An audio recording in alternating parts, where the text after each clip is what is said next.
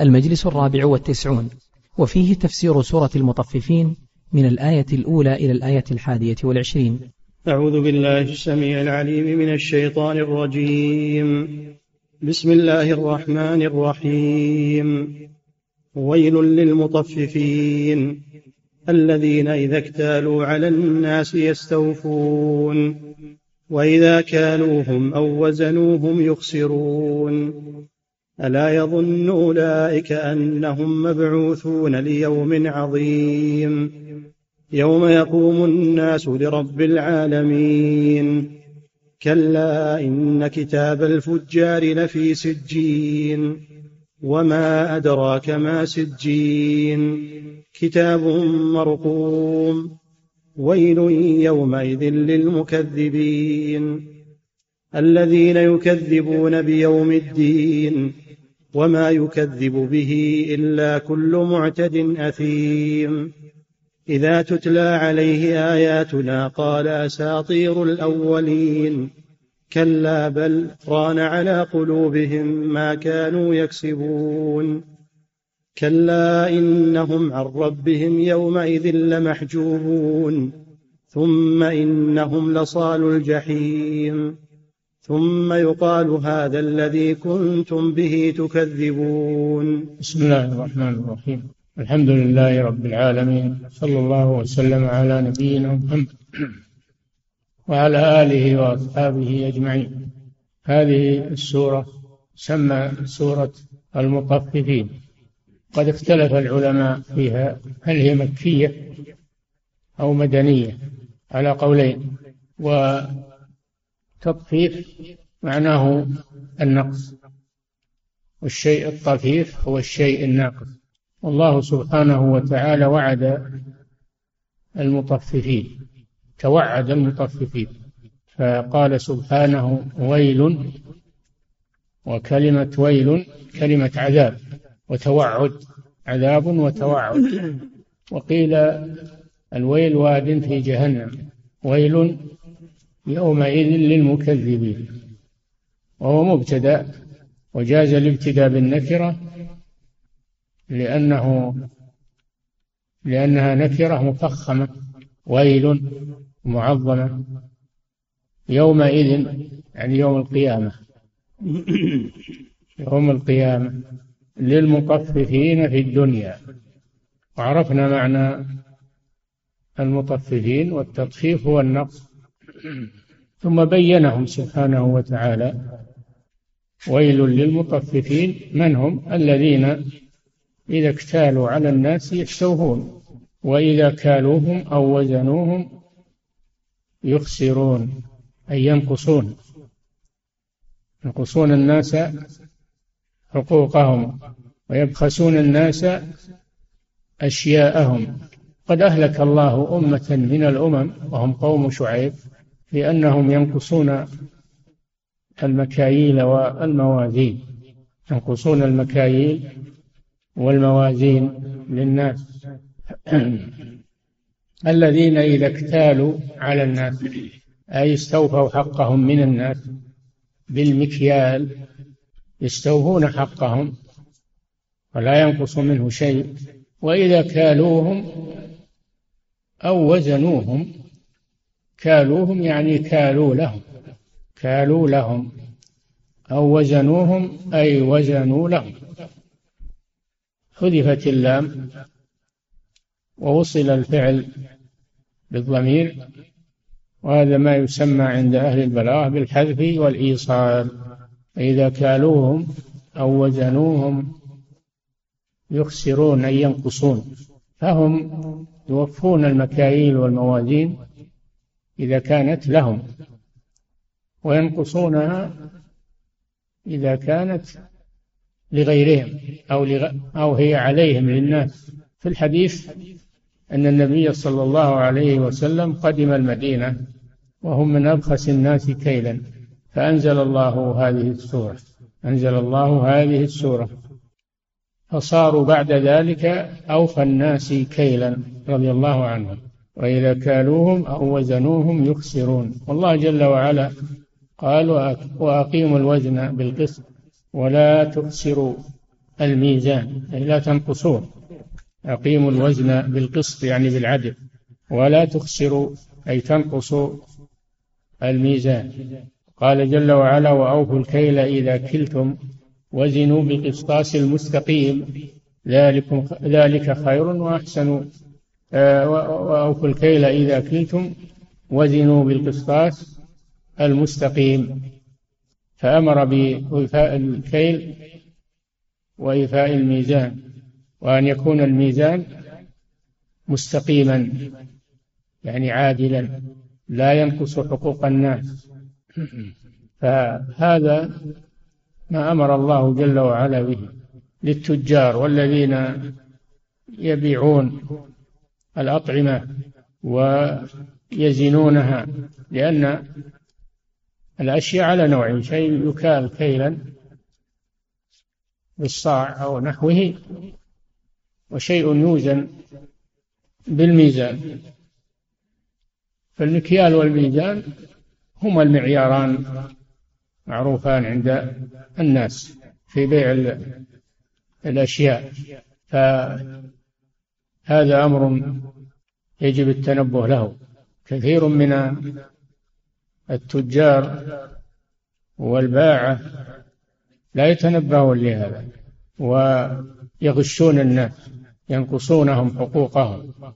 فإذا كان الطعام أو غيره من الأشياء حبوب كانت في أوعية وأكياس ينقصون الأكياس ويأخذون منها ويبيعونها على أنها وافية. يأخذون من كل كيس مقدارا لا يلفت النظر. فيولدون من الأكياس أكياسا أخرى. ويظنون أن هذا من الحذق وهذا من آه، المهارة وهي من السرقة والغش والعياذ بالله. وكذلك في الصناديق والكراتين يعبثون بها ويبيعون على أنها على أنها وافية وهي مبخوسة. وكذلك يجعلون الردي الأسفل ويجعلون الجيد هو الأعلى حتى يظن الزبون أن أن ما في هذا الصندوق أو هذا الكرتون كله سواء من الخضار وغيره. ويبيعونه على أنه من الجيد وعندهم مهارة وحفظ في هذا ولا يظهرون للناس ما في هذه الصناديق أو هذه الكراتين ما يخبرونهم بحقيقة ما فيها بل يمدحونها حتى يأخذها الزبون من باب حسن الظن بهم. وهم مهرة في السرقة والبخس. بخس الناس أشياءهم. وقد مر النبي صلى الله عليه وسلم على بائع طعام فأدخل صلى الله عليه وسلم يده في الطعام فوجد بللا في أسفل الطعام. فقال ما هذا يا صاحب الطعام؟ قال أصابته السماء يا رسول الله. أي أصابه المطر. قال هلا جعلته ظاهرا حتى يراه الناس؟ من غشنا فليس منا. فيجب على من يبيع ويشتري. الأطعمة وغيرها من الأشياء المغلفة والأشياء المكيلة والموزونة والصناديق وغيرها المعبأة يجب عليه أن يصدق في هذا وإلا فإن له يوما ينتظره وما يأخذه حرام. ما يأخذه من أموال الناس بغير حق فهو حرام وسيحاسب عنه يوم القيامة لأن الله جل وعلا يمهل ولا يهمل. ويجب على ولي الأمر أن يجعل رجالا للحسبة على البياعين يجعل مفتشين في الأسواق ويجب أن ينال المجرم جزاءه. ولا يترك الناس يعبثون بحقوق الآخرين ويعتبرون هذا من المهارة في التجارة والحذق وغير ذلك. ويل للمطففين. الذين إذا اكتالوا على الناس يستوفون. وإذا كالوهم أو وزنوهم يخسرون. هذا في الأشياء المحسوسة وكذلك في الأشياء المعنوية. يجب على الإنسان العدل. إذا مدح يعتدل وإذا ذم يعتدل. فلا يسرف في المدح ولا يسرف في الذم بل يعتدل وينزل الناس منازلهم. ولا يبخس الناس منازلهم. صلى الله عليه وسلم أنزل الناس منازلهم. فيجب على من ينتقد أو على من يرد على المقالات أو على الكتب أن يعتدل في ذلك. وأن يذكر ما عند المردود عليه من الحق وما عنده من الخطأ. يذكر ما عنده من الحق ويذكر ما عنده من الخطأ. أما أنه يجعل كل ما عنده خطأ فهذا من بخس الناس حقوقهم. هكذا العدل في المقالات والأدلة وغير ذلك. يجب على من ينتقد أو يرد على الناس أو على الكتب أو على أن يتزن في ذلك. ويذكر ما للمردود عليه من الإحسان وما عليه من الخطأ. حتى يتنبه. أو أنه يمدح المؤلف ويثني عليه ولا يبين ما عنده من الأخطاء. حتى يغر الناس. يجب أن ينبه على ما عنده من الأخطاء. فلا يمدح فقط ولا يذم فقط وإنما يعتد. هذا هو العدل والإنصاف وهذا ما يمشي عليه المحققون كشيخ الإسلام ابن تيمية وابن القيم. حينما يردون على المخالفين لأن هذا هو العدل هذا هو داخل في قوله ويل للمطففين. الذين إذا اكتالوا على الناس يستوفون وإذا كالوهم أو وزنوهم يخسرون. فيجب الاعتدال في هذه الأمور. وإلا فالإنسان سيسأل يوم القيامة إن سلم في الدنيا فلن يسلم الآخر وإذا كالوهم أو وزنوهم يخسرون يأخذون الحق الذي لهم ويبخسون الحق الذي عليهم. ثم إنه سبحانه وتعالى توعدهم فقال ألا يظن أولئك؟ ألا كلمة تنبيه كلمة تنبيه واستفتاح. ألا يظن أولئك آه، المطففون؟ أنهم مبعوثون. أنهم مبعوثون من قبورهم مبعوثون من قبورهم للجزاء والحساب وسيلقون ما قدموا. ما يتصورون هذا؟ ألا يظن؟ ما يستحضر البعث ما يستحضر البعث. وإن كان يؤمن بالبعث ويؤمن بالحساب لكن يغيب عنه عند الطمع. يغيب عنه البعث والحساب عند الطمع. يتنبه. الإنسان لهذا وقالوا كلمة يظن يعني يعتقد لأن الظن يطلق على اليقين أحيانا. الذين يظنون أنهم ملاقو ربهم يعني يعتقدون ويتيقنون أنهم ملاقو ربهم وأنهم إليه راجعون. وإن كانت الصلاة أي الصلاة لكبيرة إلا على الخاشعين الذين يظنون أي يعتقدون أنهم ملاقو ربهم وأنهم إليه راجعون. فالظن يطلق, أحيانا يراد به اليقين. قال الذين يظنون أنهم ملاقوا الله. يظنون يعني يعتقدون ويؤمنون. كم من فئة قليلة غلبت فئة كثيرة. ألا يظن؟ أي ألا يتيقن هؤلاء ويعتقدون أن هناك بعثا ونشورا وبعده حساب وبعده جزاء. لا يتصورون هذا يظنون أنهم فعلوا هذا في الدنيا وراح خذوا أموال الناس وخلاص. ظلموا الناس وانتهى الأمر. لا الحساب قادم. والبعث كائن ولا محالة وكل يلقى جزاءه. وفي يوم القيامة ينصف الله هؤلاء المظلومين ويرد عليهم حقوقهم ممن ظلمهم. يرد عليهم حقوقهم أموالا دراهم طعام لا. يرد عليهم حقوقهم من حسنات الظالمين. يوم القيامة ما في دراهم ودنانير فيها أعمال حسنات سيئات. هؤلاء الذين ظلموا الناس في الدنيا يؤخذ من حسناتهم وتعطى للمظلومين وربما لا يبقى لهم حسنة واحدة. فيهلكون والعياذ بالله. خسروا أعمالهم. كما أنهم أخسروا الناس في الدنيا يخسرون أعمالهم يوم القيامة. حسناتهم يتصور هذا. من يبيع ويشتري ويتعامل مع الناس. تصور هذا.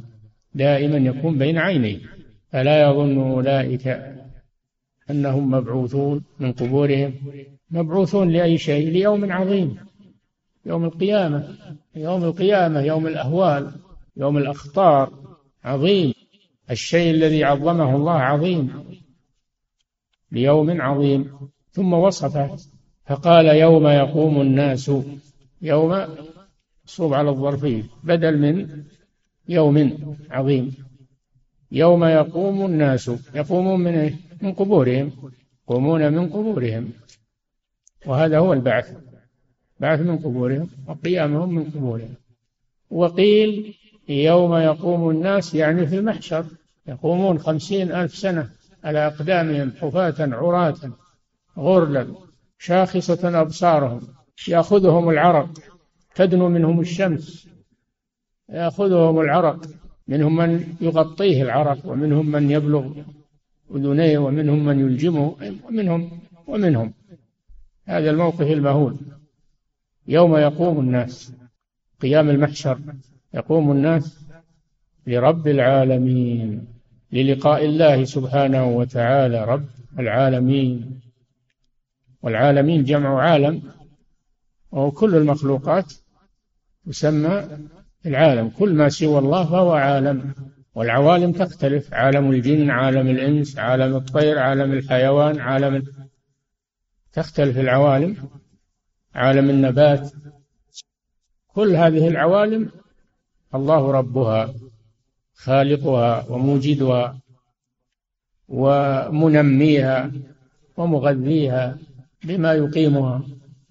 هذا معنى الرب الذي يربي عباده بالنعم ويغذيهم. كذلك يربي عقولهم ويربي آه، يربي عقائدهم ربيهم هذا معنى الرب. أيضا الرب من معانيه المالك. معناه المالك. مالكهم مالكهم وخالقهم ومربيهم بالنعم. كل العوالم كلها مربوبة لله عز وجل. لا أحد يخرج عن ربوبية الله عز وجل. والشياطين والملائكة كل المخلوقين كلهم لهم رب. كفار والمؤمنون الصالحون والفجار كلهم ربهم واحد رب العالمين. يوم يقوم الناس لرب العالمين بلقاء الله سبحانه وتعالى والقيام بين يديه للحساب. يوم يقوم الناس لرب العالمين. ثم بين ما يؤول إليه الناس قسمهم إلى قسمين فجار وأبرار. كلا أي حقا كلا معناها حقا. وقيل معناها الردع والزجر. إن كتاب الفجار الفجار هم الذين خرجوا عن طاعة الله عز وجل وفجروا فسقوا كفروا. هؤلاء يقال لهم الفجار. كلا إن كتاب الفجار جمع فاجر. كتاب الفجار أي كتاب أعمالهم. كتاب أعمالهم لأنها سجلت عليهم. لفي سجين لفي سجين سجين فعيل من السجن وهو الضيق. مكان الضيق يقال له سجن وسجين هذا شديد الضيق. كلمة مبالغة. لفي سجين أي لفي مكان ضيق. بعد موتهم يكونون في مكان ضيق. وقيل سجين اسم للنار وهو تحت الأرض السابعة. مكان تحت الأرض السابعة سجين وهو مأوى الكفار. إذا ماتوا تكون أرواحهم فيه. تسجن فيه والعياذ بالله. إن كتاب الفجار لفي سجين. ثم عظم سجين. وما أدراك ما سجين. وما أدراك كلمة تعظيم وتهويل. ما سجين. كتاب مرقوم. مرقوم مكتوب. مدون محفوظ كتاب مرقوم لا يضيع شيء منه. ما لهذا الكتاب لا يغادر صغيرة ولا كبيرة إلا أحصاها. أن تنسى وتروح لكن هو يكتب عليك سجل عليك ويعرض عليك يوم القيامة. تقرأه ويقرأ حتى اللي ما يقرأ في الدنيا يقرأ كتابه. اقرأ كتابك ونخرج له يوم القيامة كتابا يلقاه منشورا. اقرأ كتابك. يقال للعالم والمتعلم والعامي والأمي اقرأ كتابك كل يقرأ. اقرأ كتابك. كفى بنفسك اليوم. عليك حسيبا. ما أحد ينكر في هذا. ما من حصل له ينكر. يعترف بهذا. كتاب مرقوم. ويل يومئذ للمكذبين. كرر التهديد والوعيد. ويل أي كلمة عذاب التي ذكرها في أول السورة. ويل يومئذ يوم القيامة للمكذبين المكذبين للرسل مكذبين للكتب مكذبين بالبعث والنشور مكذبين بالجزاء والحساب. لأن يعني فيه كثير من من الخلق ينكرون ينكرون يوم البعث وينكرون الحساب وينكرون هؤلاء توعدهم الله بالويل والثبور والعياذ بالله. ولا ينفعهم إنكارهم. ولا ينفعهم أنهم مثقفون ومتعلمون وأنهم مفكرون. ما ينفعهم هذا. ما ينفعهم.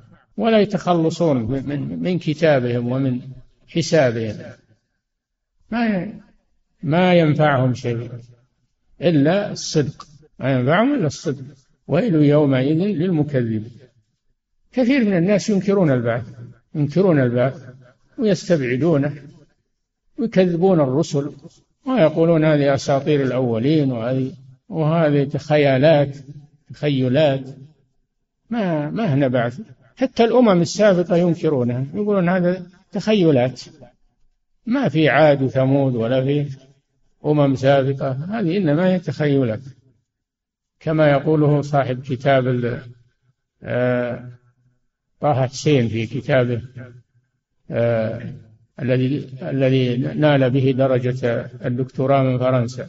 ينكر البعث والنشور والحساب ويقول هذه إنما هي تخيلات مبالغات وما ما لها حقيقة. يقول ما لها حقيقة. يسميها الشعر الجاهلي. وحتى ينكر الشعر الجاهلي يقول هذا ما هو ما هو صحيح. ولا فيه شعراء في الجاهلية ولا فيه الشعر الجاهلي. قد رد عليه العلماء في وقته وردودهم موجودة.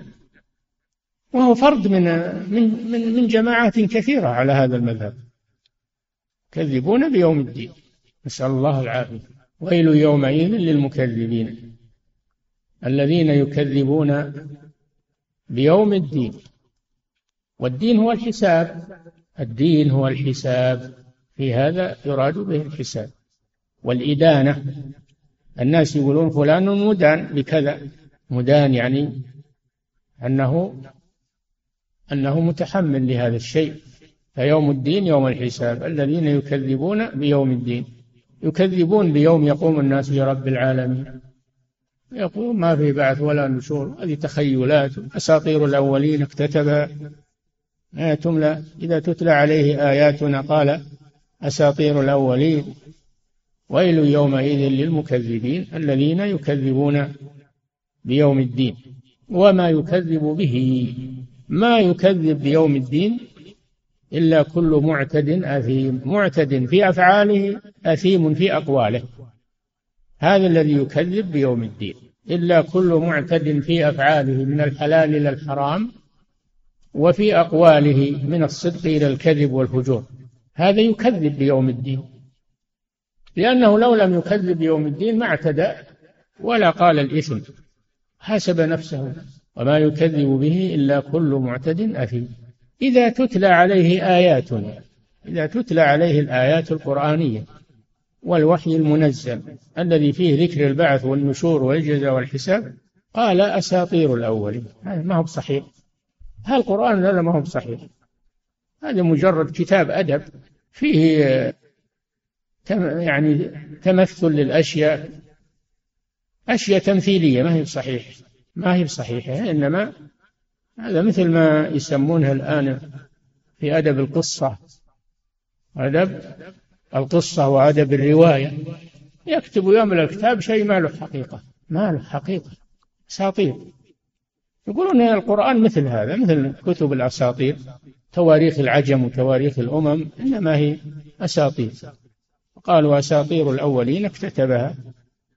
اكتتبها يعني طلب من غيره أن يكتبها له. فهي تملى عليه بكرة وأصيلا.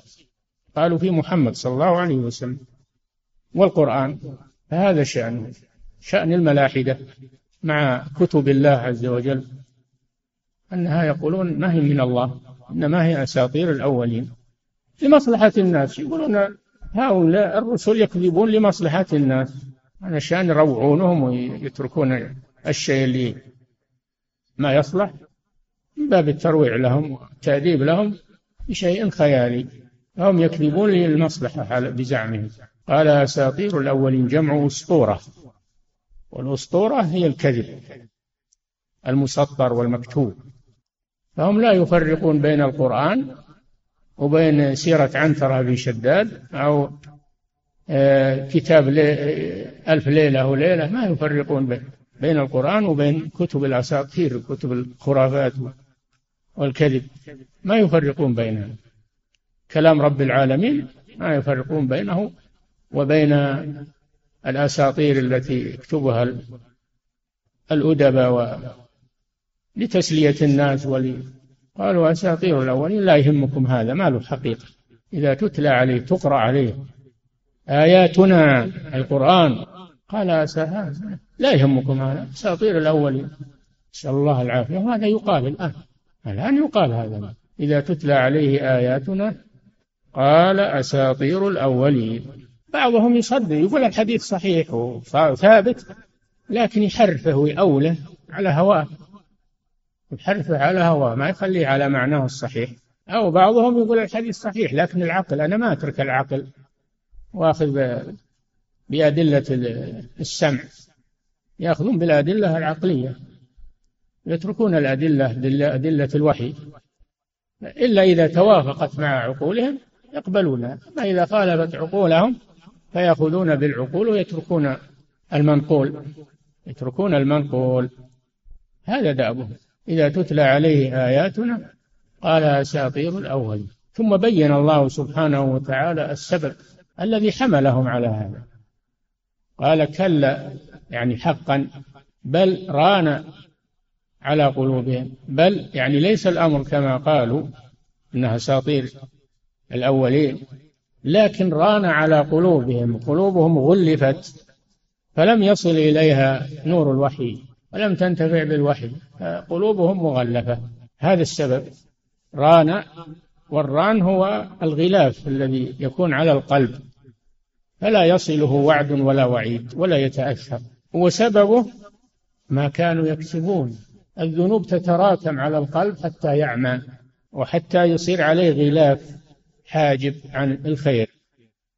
فلا يتأثر بموعظة ولا ينتفع بدليل لأن عليه غلاف حاجب.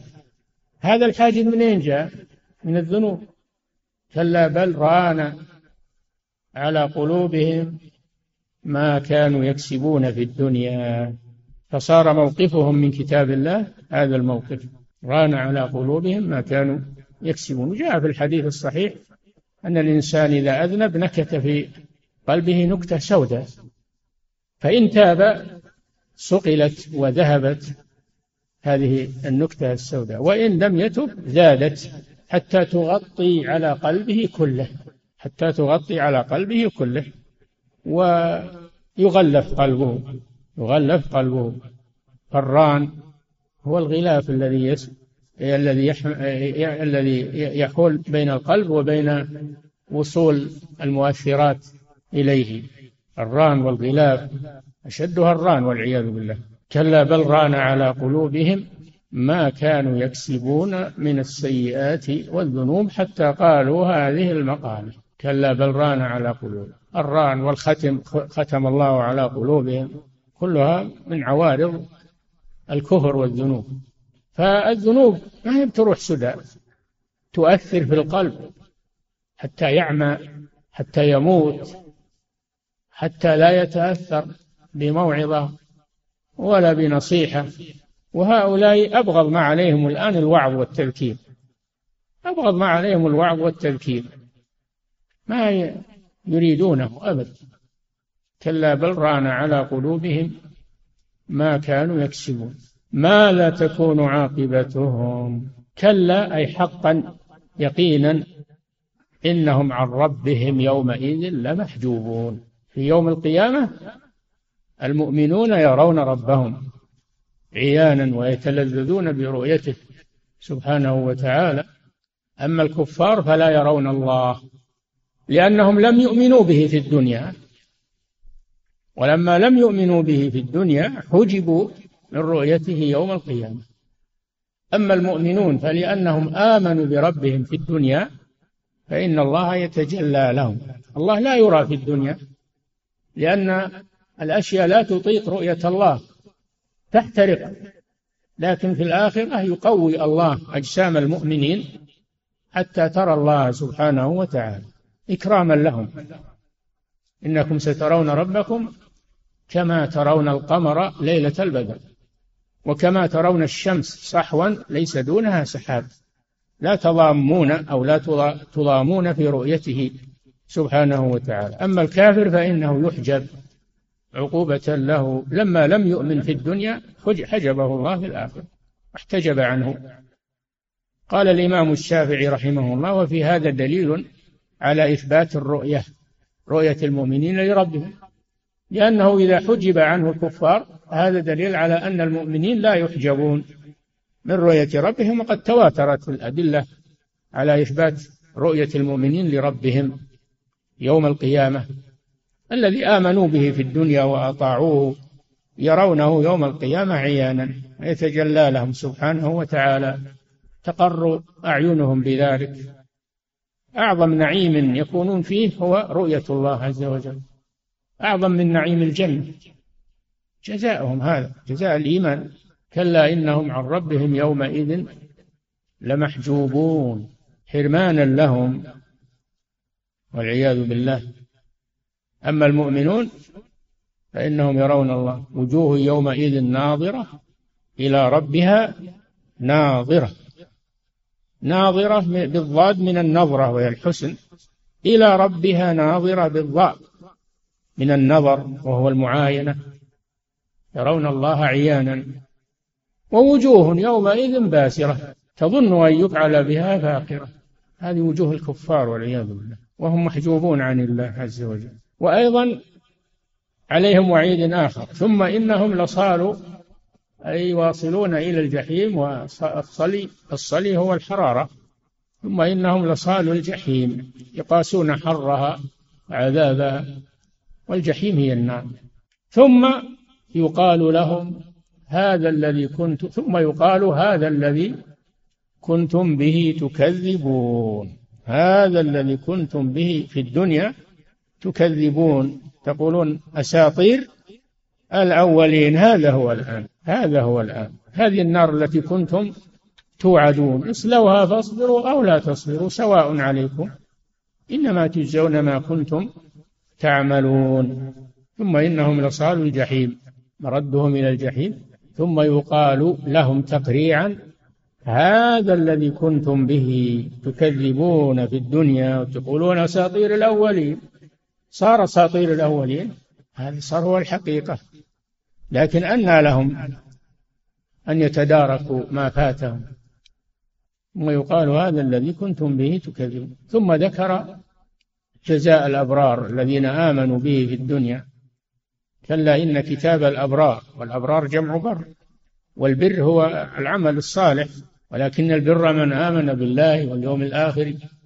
والملائكة والكتاب والنبيين وآتى المال على حبه ذوي القربى واليتامى والمساكين وابن السبيل والسائلين وفي الرقاب وأقام الصلاة وآتى الزكاة والموفون بعهدهم إذا عاهدوا والصابرين في البأساء والضراء وحين البأس حين القتال والجهاد يصبرون. أولئك الذين صدقوا وأولئك هم المتقون. هذا هو البر. وهؤلاء هم الأبرار. إن الأبرار كلا إن كتاب الأبرار كتاب أعمالهم كتاب أعمالهم حسناتهم أعمالهم الصالحة مكتوبة حسناتهم مكتوبة. وين هي موضعة فيه في عليين في عليين في الجنة. هؤلاء في سجين أسفل شيء وهؤلاء في عليين أعلى أعلى شيء. شوف الفرق بين المؤمنين والفجار. كلا إن كتاب الأبرار لفي عليين وما أدراك ما عليون. تفخيم تعظيم تعظيم لعليين تعظيم للجنة.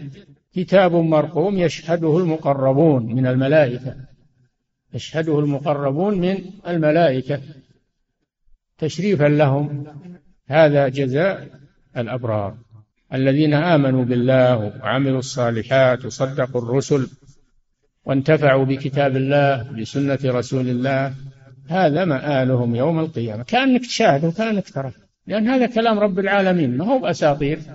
ما هو بأساطير أو خرافات أو هذا كلام رب العالمين سبحانه وتعالى. لا يأتيه الباطل من بين يديه ولا من خلفه. تنزيل من حكيم حميد. وهذا تقر به أعين المؤمنين يتلذذون بالقرآن ويتعلقون به وأما أولئك فيتعلقون بالخرافات والأساطير والأكاذيب والملهيات والمغريات. يستبدلون القرآن بالشعر بالأغاني يستبدلون القرآن بنقيضه وبكلام الباطل وبكلام السحرة كلام المبطلين الكذابين كلام الكفرة. يستدلون به ويتمسكون به ويقرعونه وأما القرآن فليس لهم به تعلق أبدا. هذا انقسام الناس مع مع الرسول والقرآن. وهذه منازلهم عند الله سبحانه وتعالى. نسأل الله جل وعلا أن يوفقنا وإياكم لصالح القول والعمل. وصلى الله وسلم على نبينا محمد وعلى آله وأصحابه أجمعين. يقول فضيلة الشيخ وفقكم الله. يقول ذكرتم حفظكم الله أنه يدخل في بخس الناس حقوقهم عدم ذكر ما عند المردود عليه من الحق. لكن أشكل علي ما اشتهر عند العلماء من أن المردود عليه لا تذكر حسناته من باب السياسة الشرعية لئلا يغتر به الناس. حسناته حسناته لكن يذكر ما عنده من الحق. أما حسناته والأعمال التي عملها هذه قد لا يناسب ذكرها لأن هذا يروج كلامه لكن يذكر ما عنده من الصدق. قالوا أنه عنده كذا وهذا صواب وعنده كذا وهذا خطأ. يبين ما عنده ما نبخس حقه ونقول كل كلامه باطل. لا. نعم. يقول فضيلة الشيخ وفقكم الله يقول آمل من فضيلتكم توجيه كلمة لأصحاب قطع غيار السيارات. آمل من فضيلتكم توجيه كلمة في فرق بين الحسنات وبين الصواب من الكلام. حسنات ما تعلمها الله أعلم بها. ما تدري عن الحسنات هل هي مقبولة أو ما هي مقبولة. لكن الصواب من كلامه تشوفه كلامه تشوفه مكتوب أو تسمعه فتبين ما عنده من الصواب. نعم. نعم. يقول فضيلة الشيخ وفقكم الله آمل من فضيلتكم توجيه كلمة لأصحاب قطع غيار السيارات وكذلك أصحاب محلات السباكة. حيث يبيعون قطعا على أنها أصلية وهي ليست كذاك. فهل هذا من بخس الناس أشياءهم؟ ما في شك.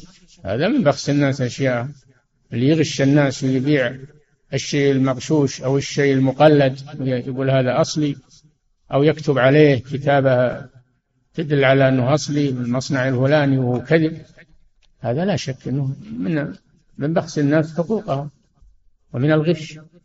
نعم. يقول فضيلة الشيخ وفقكم الله يقول ما حكم ما يفعله بعض أصحاب المحلات حيث إنه يزن الطعام مع الإناء الذي يضع فيه الطعام؟ وهل الأولى أن يزن الطعام بمفرده ثم يضعه في الإناء بعد ذلك؟ لا القاعدة أنه يزن أنه يزن الإناء قبل يزن الإناء ويعرف وزنه ثم يزن يملأه بالطعام ويزنه يزنه وإذا تبين الوزن يخفض منه وزن الإناء. يخفض منه وزن الإناء اللي علمه. نعم. يقول فضيلة الشيخ وفقكم الله هل يجوز للمسلم أن يغش الكافر أو أن يبخسه لا حقه؟ لا. ما يجوز غش الكافر. المؤمن ليس لا يغش ولا يخون ولا يخدع. بل يكون صادقا مع المؤمن ومع الكافر؟ ولا تبخسوا الناس أشياءهم هذا عام للناس كلهم. ما يجوز. الكافر واثق منك. وهذا يسيء إلى الإسلام أيضا. إذا غشيت الكافر هذا يسيء إلى الإسلام وينفر من الإسلام. نعم. يقول فضيلة الشيخ وفقكم الله هل الوعيد خاص بالباعة بالكيل والوزن أم أنه يشمل جميع المعاملات بين الناس؟ فإذا كان له حق طالب به وحرص على أخذه. وإن كان الحق للآخرين ما طل به ونقصه. يدخل يدخل هذا كونه يطالب الناس بحقه ويجحد حقوقهم أو يماطل فيها يدخل في في الآيات. نعم. وكذلك حفظك الله يقول هل قوله سبحانه وتعالى ويل للمطففين خاص بما يتعلق بالبيع والشراء. أم يدخل فيه من يفضل زوجة على أخرى أو يميز طلابا على آخرين؟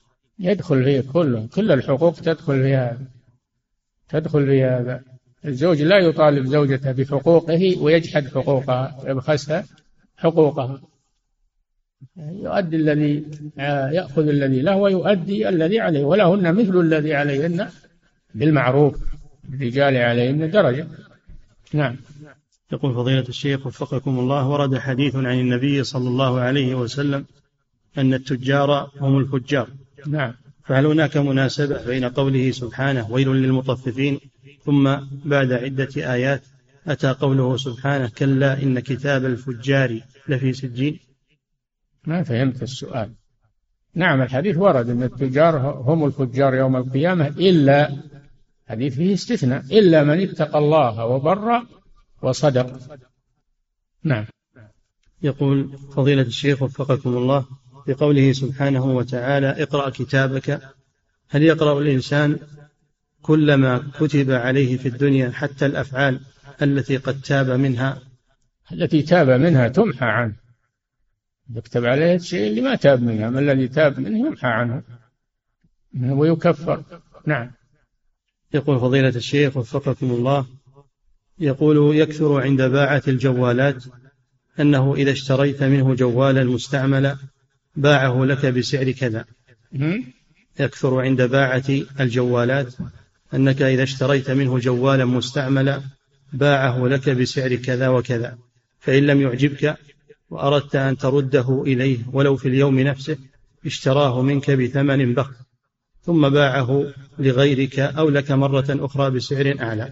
هل هذا داخل في التطفيف؟ نعم إذا كان الجوال هذا مستعمل ولا وهو يقول هذا جديد ولا استعمل وباعه عليك بثمن مرتفع وهو مستعمل وثمنه منخفض فهذا من بخس الناس أشياءهم. هذا من بخس الناس أشياءهم. ولا يشتريه منك لأن البيع ما صح أصلا. ما يشتريه منك. ترده تأخذ الدراهم ولا يخفض لك ثمن العيب الذي فيه وهو ما يسمى بالأرش. فإما أن تمسكه وتأخذ الأرش وإما أن ترده وتأخذ الثمن كاملا. ولا يبيع, يبيع تبيعه عليه بيع ينقص. نعم. يقول فضيلة الشيخ وفقكم الله يقول هل رفع الأسعار وإغلاء الأسعار يدخل في التطفيف؟ الأسعار إذا كان ارتفاعها بسبب العرض والطلب هذا ما ما لحد فيه دخل. الله هو المسعر أما إذا كان ارتفاع الأسعار سببه تلاعب التجار وحيل التجار هذا باطل. يجب على ولي الأمر أن يمنع هذا ويردعهم عن هذا الشيء وأن يلزمهم بالبيع مثل ما يبيع الناس مثل ما يساوي السعر. نعم. يقول فضيلة الشيخ وفقكم الله يقول في قوله سبحانه وتعالى ويل للمطففين الذين إذا اكتالوا على الناس يستوفون يقول هل يدخل فيه التطفيف في حق الله وحق الرسول صلى الله عليه وسلم في التوحيد والتصديق هذا من باب أولى. إذا كان هذا في حقوق البشر كيف بحقوق الله سبحانه وتعالى؟ كيف بحقوق الرسول صلى الله عليه وسلم؟ نعم. يقول فضيلة الشيخ وفقكم الله يقول في المصحف يوجد علامة السكتة على قوله كلا بل فما فائدتها؟ وهل يجوز الوصل دون الوقف عليها؟ لا لازم من الوقف. لازم من الوقف لئلا تدخل الراء في اللام برانة لا ما يصلح برانة كلا بل يتميز؟ اللام عن الراء بل رانة بل رانة نعم. يقول فضيلة الشيخ وفقكم الله. يقول هل الذي يؤلف القصص الخيالية والذي يضحك الناس بقصص خيالية يدخل في قوله سبحانه معتد أثيم؟ ما في اعتداء. إذا كان ما فيها ظلم لأحد ولا فيها تأثيم للناس وإنما هي فكاهية. هي لا تدخل في آه، في التحريم أو تكون مكروهة تكون مكروهة لأنها لا فائدة منها. نعم. أما إذا كان فيها باطل وفيها شر هي محرم. نعم. يقول فضيلة الشيخ وفقكم الله يقول يوجد كتاب قصصيون يأتون بقصة للأطفال على لسان الحيوانات وغيرها وهذه القصص غير واقعية. فما حكم كتابة مثل هذه القصص؟ لا بأس بذلك. أقول لا بأس بذلك إذا كان ما فيها ظلم لأحد ولا فيها كذب ولا فيها إنما فيها تسلية للأطفال فقط ما فيها لا فيها بأس. نعم. يقول فضيلة الشيخ وفقكم الله يقول السائل يقول عندي زوجتان أشتري لإحداهن أشياء خاصة بها كمالية أكثر من الزوجة الثانية. فهل يجوز هذا؟ هذا يسبب يعني يسبب غيره عند الثاني يسبب إنه يحصل تشويش في بيتك سوء تفاهم. تجنب هذا الشيء لأن درء المفاسد مقدم على جلب المصالح. نعم. يقول فضيلة الشيخ وفقكم الله يقول ما المراد بتعظيم شعائر الله في قوله سبحانه ومن يعظم شعائر الله فإنها من تقوى القلوب؟ جميع المراد بشعائر الله جميع آه، شرائع شرائع الدين يعظمها ويحترمها ولا يتهاون بشيء منها. نعم. يقول فضيلة الشيخ وفقكم الله يقول السائل ومنه ومنه تعظيم الشعائر في آه، الهدي في الهدي هدي التمتع والقران. هدي التطوع إنه يقدم شيء من أحسن بهيمة الأنعام. ما يقدم شيء هزيل ولا شيء ردي. هذا من تعظيم شعائر الله. نعم. تعظيم حرمات الله أيضا. يعظمها ويخاف منها ويتجنبها. نعم. يقول فضيلة الشيخ وفقكم الله. يقول السائل أحد الدعاة فسر هذه الآية فهي قوله سبحانه ولما أصابتكم مصيبة قد أصبتم مثليها. كذلك من تحريم شعائر الله تحريم المشاعر شاعر الحج العمرة عرفة ومنى ومزدلفة والبيت الحرام والمسجد الحرام يعظمها يعظم الحرم ولا يعتدي فيه ولا يسيء في الحرم ولا يؤذي الناس ولا هذا من تعظيم شعائر الله. نعم. يقول فضيلة الشيخ وفقكم الله أحد الدعاة فسر هذه الآية وهي قوله سبحانه أولما أصابتكم مصيبة قد أصبتم مثليها قلتم أن هذا قل هو من عند أنفسكم. قال نعم أصبتم مثليها علم الله أنهم أصابوا في غزوة بدر أصابوا مثليها من المعصية. ولما أصابتكم مصيبة هذا في أصحاب النبي صلى الله عليه وسلم في تلك الواقعة. أصابوا معصيتين فسلط الله عليهم مصيبة بسبب معصيتين حصلت منهم. معصية النبي صلى الله عليه وسلم حين أمرهم بعدم النزول يعني بنزول الجبل وللغنيمة ومعصية علمها الله عز وجل. هل هذا التفسير صحيح وفقكم الله؟ إذا جاب ما يدل على هذا التفسير ما يجوز يفسر إلا بدليل. إذا جاب ما يدل على هذا التفسير من تفسير الرسول أو تفسير الصحابة أو تفسير التابعين.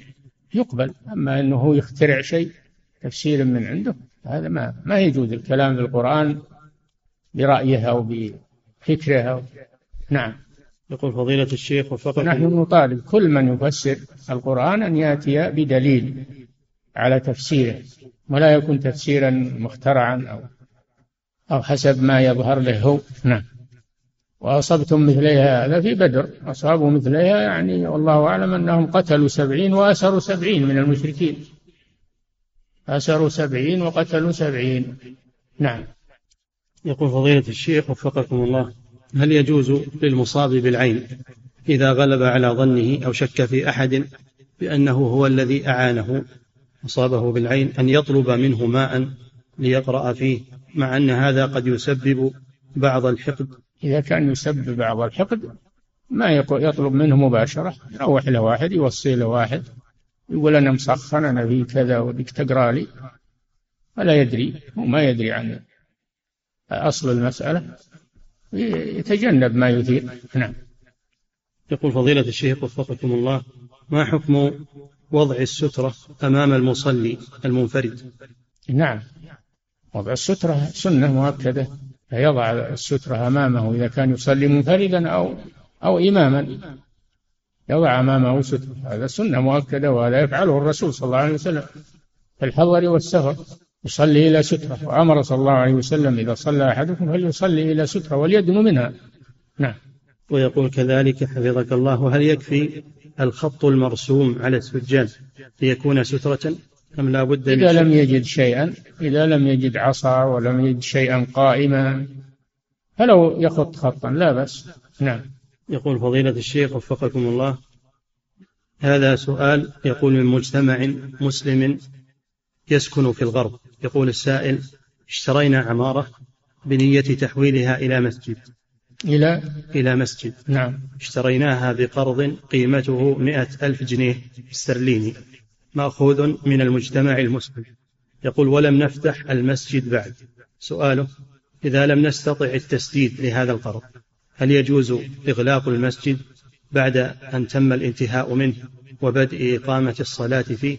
وما نصيح المسجد ما يغلق لكن تطلبون من المسلمين تطلبون المساعدة من المسلمين والمسلمون إن شاء الله لا يقصرون. يطلبون من المحسنين والتجار ولا يقصرون في هذا. في المسجد. نعم. يقول فضيلة الشيخ وفقكم الله هذه امرأة مسلمة من فرنسا تقول أنا أعمل في مؤسسة كسكرتيرة بجلبابي وبدون اختلاط. هذه امرأة تقول امرأة من فرنسا مسلمة تعمل في مؤسسة سكرتيرة إدارية. تقول أعمل بجلبابي وبدون اختلاط ومع حضور محرم لكن من جملة ما يباع في هذه المؤسسة الخمر. فهل يجوز لي أن أعمل في هذه الوظيفة علما بأن مبيعات الخمر إنما تساوي خمسة عشر بالمئة من المبيعات؟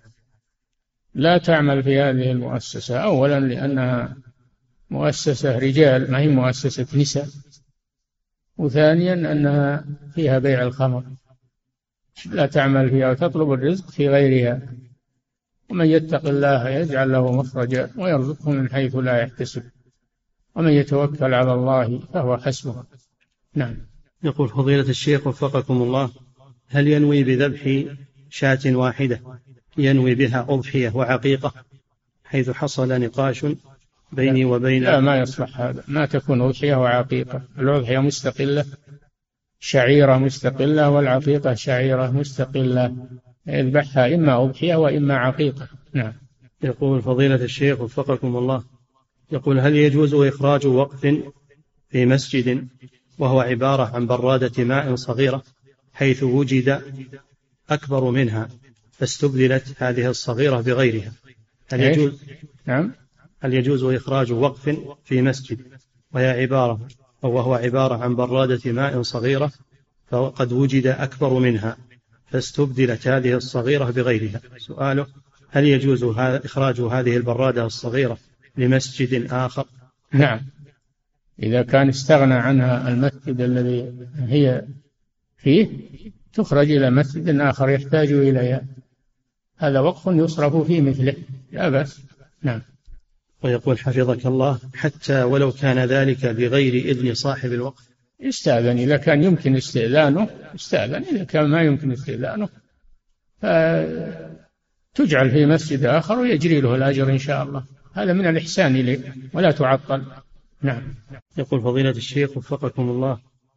يقول إذا شارك إنسان في مشروع سيء له أوزار وسيئات مضاعفة وانتشرت آثاره انتشارا واسعا لا يستطيع إيقافه. سؤاله لا يستطيع. إيقافه إيقاف الآثار. يقول هل له من توبة بعد ذلك إذا كانت هذه الآثار مستمرة؟ التوبة مطلوبة وله توبة ما نحد ما له توبة. توبة من يردها من يحول بينه وبين التوبة. ولكن يعلن إعلان أن تبت عن هذا الشيء وأنا بريء منه. يتبرأ منه إن كان أنه واضع به مال يسحبه ولا يساعد عليه ويقطع الإعانات التي يعين على هذا المنكر يقطعها نعم. يعمل ما يستطيع من التخلص من هذا الإثم.